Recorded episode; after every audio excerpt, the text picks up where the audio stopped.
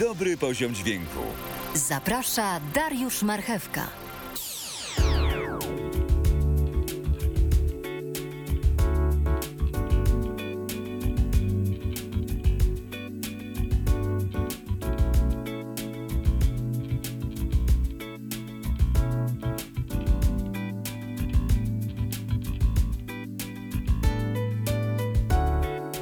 Cześć, witam Was bardzo serdecznie w kolejnym odcinku Dobrego Poziomu Dźwięku. No, dzisiaj odcinek e, niesamowity dla mnie. E, mam tremę trochę, ale mam kawę. Jak mam kawę, to trema jest o dobry poziom dźwięku. Niżej jest lepszy level chociaż kawa trochę zimna, na dworze jeszcze nie jest tak ciepło, ale nie będzie o pogodzie, bo jest ze mną człowiek, którego zapowiadałem tylko na grupie Dobry Poziom Dźwięku, bo grupa zawsze wie najpierw. Człowiek, który ze mną budował e, ten odcinek, ten podcast, w zasadzie człowiek, na którym trenowałem e, moje początki w Storyboxie. Mm, bardzo się cieszę, że ze mną tutaj jest Tomek Bielawiec, lektor, e, troszkę realizator, e, no i aktor, artysta. Cześć Tomek. Cześć Darku, witam wszystkich. Dużo już odcinków posłuchałeś, nie? E, tak, ostatnio trochę się zapuściłem, ale to dlatego, że premiera w której jakby uczestniczyłem w teatrze, e, jakby pochłonęła mnie jakby całkowicie, ale no, staram się być na bieżąco z tym, e, czego nauczasz, bo dzięki tobie, dzięki twoim, twojej pracy i twojej inspiracji ja rozpocząłem rzeczywiście w domu tak zwany home recording e, i mam nadzieję na wystarczająco dobrym poziomie, bo jakby sprzedaje się, sprzedaje swój głos. My, my poznaliśmy się, no osobiście, osobiście jeszcze nie, ale tak jak wspomniałem, e, trenowałem swój warsztat e, realizatora i ciągle go trenuję. Czasem coś zrobimy, jakieś fajne zlecenia. Mam nadzieję, że będzie więcej. I poznaliśmy się telefonicznie i, i z sobą czasem rozmawiamy. Właśnie pandemia, właśnie COVID zrobił e, coś dobrego, że do mnie zadzwoniłeś. No I właśnie e, gdzieś tam poszła fama, że mogę ci pomóc w stworzeniu studia i jak? Jesteś zadowolony z tego sprzętu?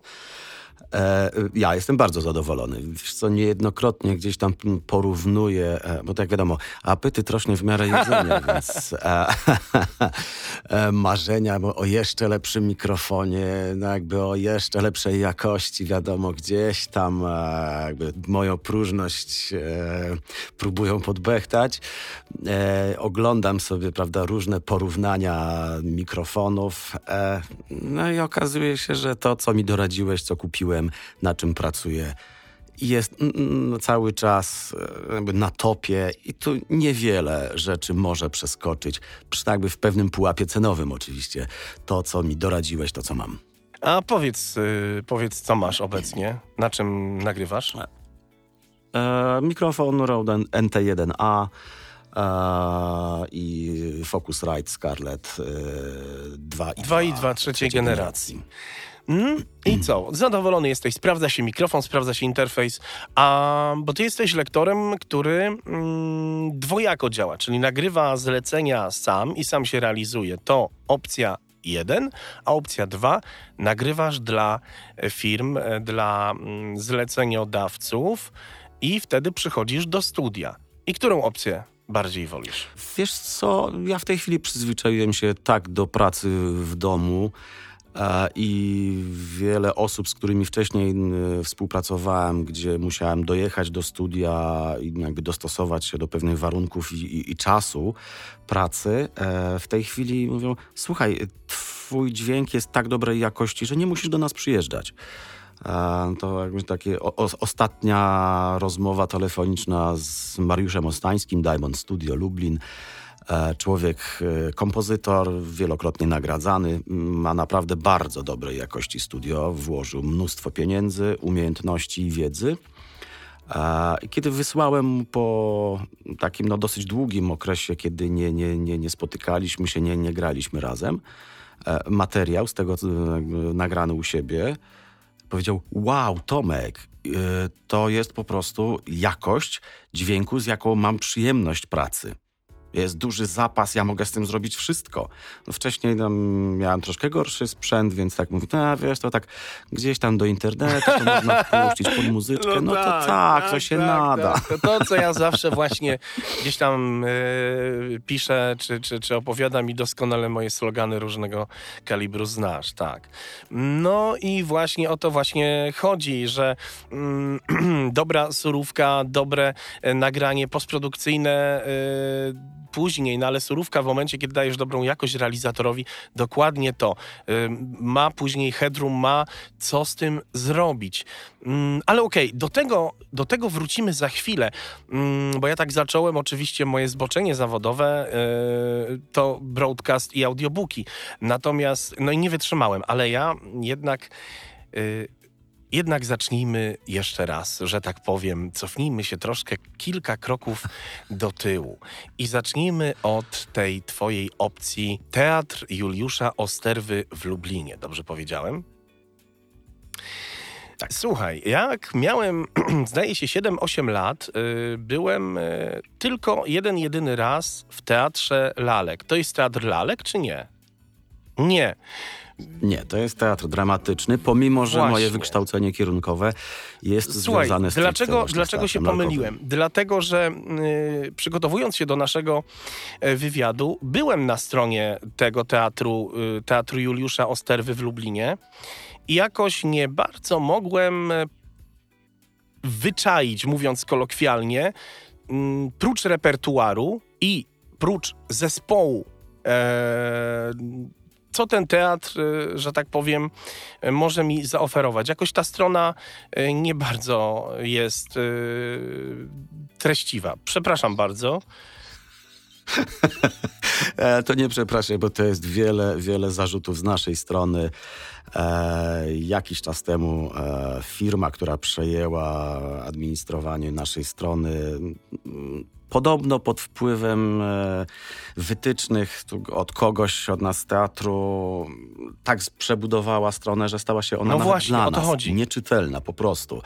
Kiedy wiemy, czego szukamy, a w momencie, kiedy widz tak zwany z ulicy chciałby czegoś poszukać, coś znaleźć. No właśnie, no to, ja, ja chciałem znaleźć i poświęciłem na to e, przynajmniej z godzinę e, i naprawdę chciałem bardzo dokładnie cię przepytać, jak chodzi o, o ten teatr i sorry, no bardzo bym chciał, więc pogadajmy może, może tak. Właśnie twoje wykształcenie jest w kierunku teatru lalek, ale robisz coś w tym zakresie prakty w praktyce?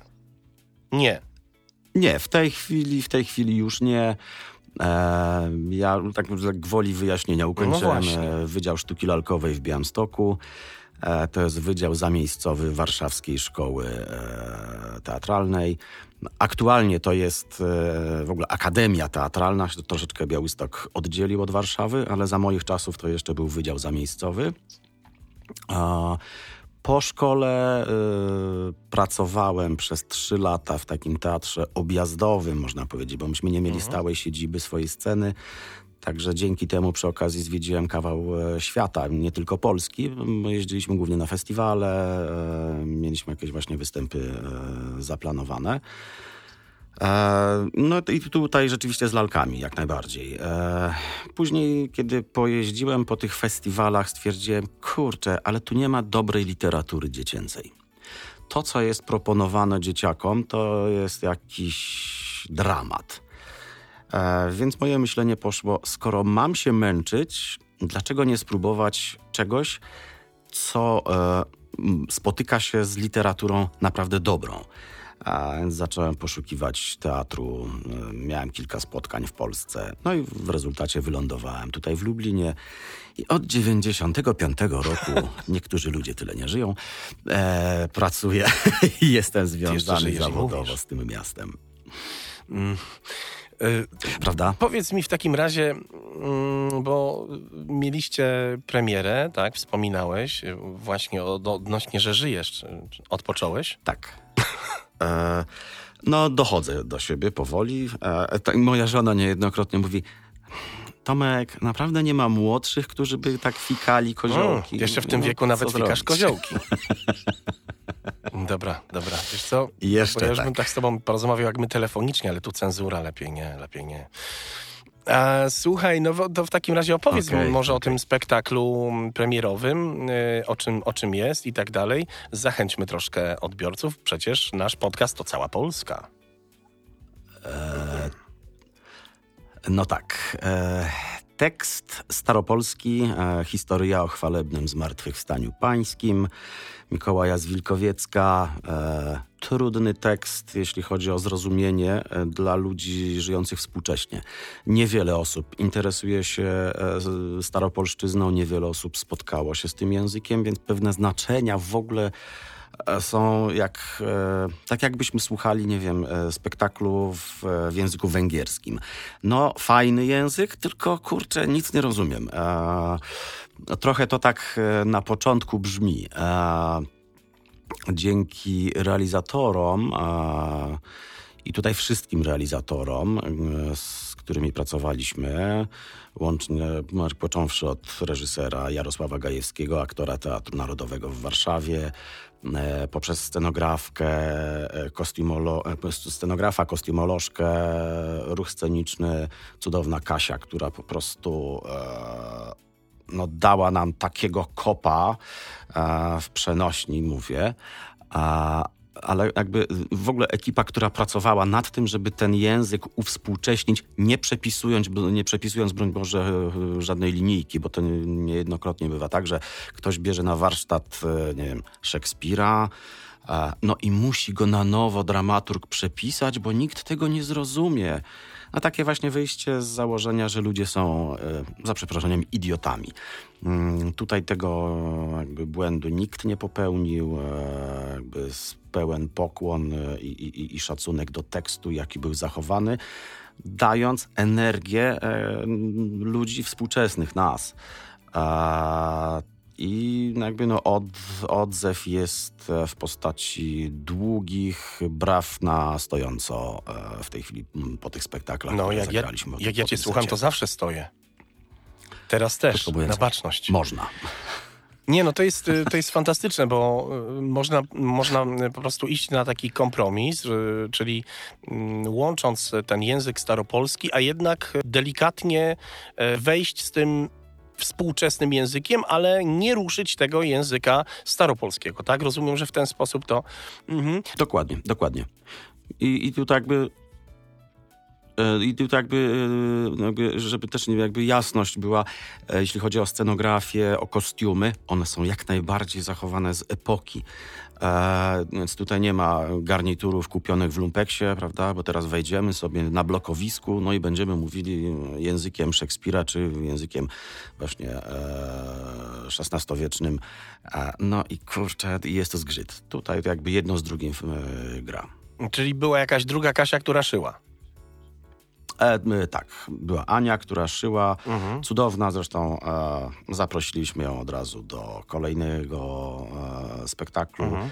i mamy nadzieję, że uda nam się ta współpraca dalej jakby rozwijać. No akurat jak chodzi o repertuar, to jak najbardziej tutaj administracja strony zadbała, mm, także bardzo gorąco pozdrawiamy.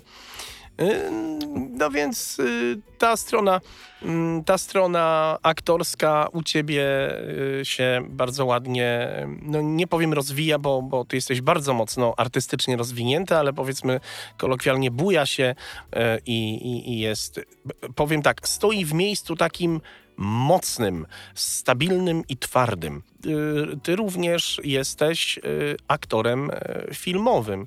I bym troszeczkę do, do tego przeszedł.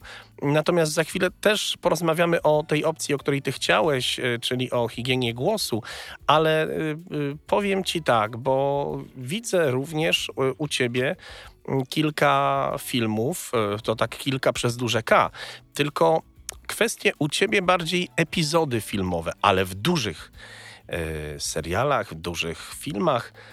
Powiedz tak, epizody czy główne role? Bo do głównej roli, i to bez względu, czy gramy e, rolę w dużym filmie czy serialu, ale główną rolę, jesteś później bardzo mocno kojarzony i związany. I bez względu, czy to jest rola uporządkowanego e, bohatera, ma takiego ułożonego, mającego coś mądrego do powiedzenia, czy jest to rola e, człowieka lekko ducha, ale jest też jednak takiego powiedzmy pana. E, Tak. To znaczy tak. Mhm. E, w momencie, kiedy jesteś e, mocno związany w, jakby repertuarowo w teatrze, to na granie dużych e, e, ról zwyczajnie Mhm. nie ma czasu. Bo no, na castingach zawsze tam pada pytanie, no gdzie pracujesz, Mhm, co mhm. robisz i tak dalej, i tak dalej. E, No i wtedy jest, no dobra, no ale ty nie masz terminów. E, No taka jest prawda. E, Teatr jest jakby strasznym pożeraczem czasu i wiele osób po to, żeby mm, robić jakby większe role, e, pójść mocniej na przykład w lektorkę, przy, czego przykładem jest na przykład Jacek Król, e, którego głos jest wszystkim znany w tej chwili, jakby m, cała kampania Renault, e, czy on jest tym głosem, który tam e, w Agata Meble podpowiada. Także tu już jakby większość powinna sobie kojarzyć. To jest jakby mój kolega, który pracował w Lublinie. Aktor, który w pewnym momencie stwierdził, że kurczę, muszę odstawić teatr, odstawić granie, bo tracę e, mm, jakby możliwość e, realizowania się w byciu lektorem. Em, Bo wystarczy, że no, nie pojechał na jeden, drugi casting zlecenie e, do Warszawy i musiał jakby drogę dochodzenia do e, pewnych zleceń e, zaczynać od początku. E, i no i jakby to przestało się po prostu opłacać. No bo mm, mając tak dobry głos, e, kiedy e, było zapotrzebowanie na niego, e, on zarabiał takie pieniądze, jakich w teatrze nie był w stanie. Ale tracił, e, znaczy tracił to zlecenia było i, lektorskie. I co? I w momencie, kiedy przychodził do teatru, to, to co? To tłumaczył, yy, no bo mówisz, zaczynał od nowa. Co to znaczy zaczynał od nowa? e, przestał mieć jakby zlecenia właśnie lektorskie.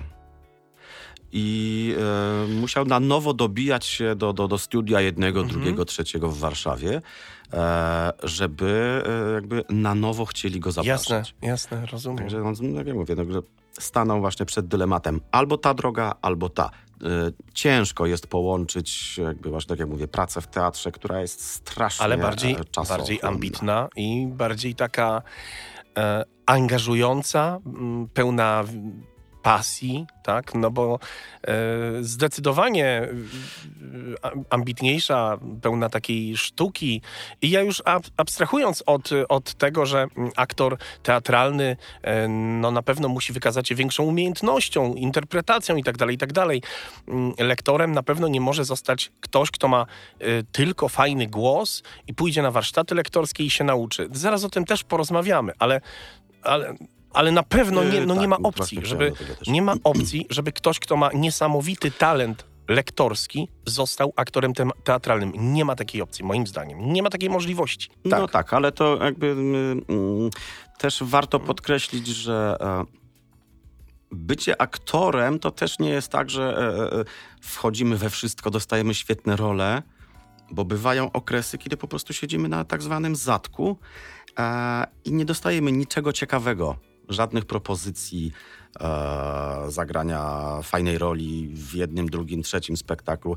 Tak na przykład też było w moim przypadku, że przez e, dzięki jakby uprzejmości poprzedniej pani dyrektor przez półtora roku nie wchodziłem do e, żadnego nowego tytułu, co w moim przypadku było zbawienne, bo poszedłem właśnie w zbudowanie swojego studia miałem czas dla rodziny, miałem czas na swoje rzeczy, i nie tracąc tych pieniędzy, które tracili koledzy, bo to akurat jeszcze do tego dołożył się COVID, więc było tak, że powiedzmy przygotowywali jakąś premierę, która się nie, nie odbywała, bo COVID, bo lockdown, bo coś.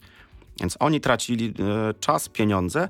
Ja w tym czasie byłem szczęśliwym człowiekiem, spokojnym i zarabiałem pieniądze. Także to tak e, w byciu aktorem, no lektorem też, bo przecież e, niejednokrotnie jest tak, że spotyka się dwóch lektorów, załóżmy, i jest wybierany głos.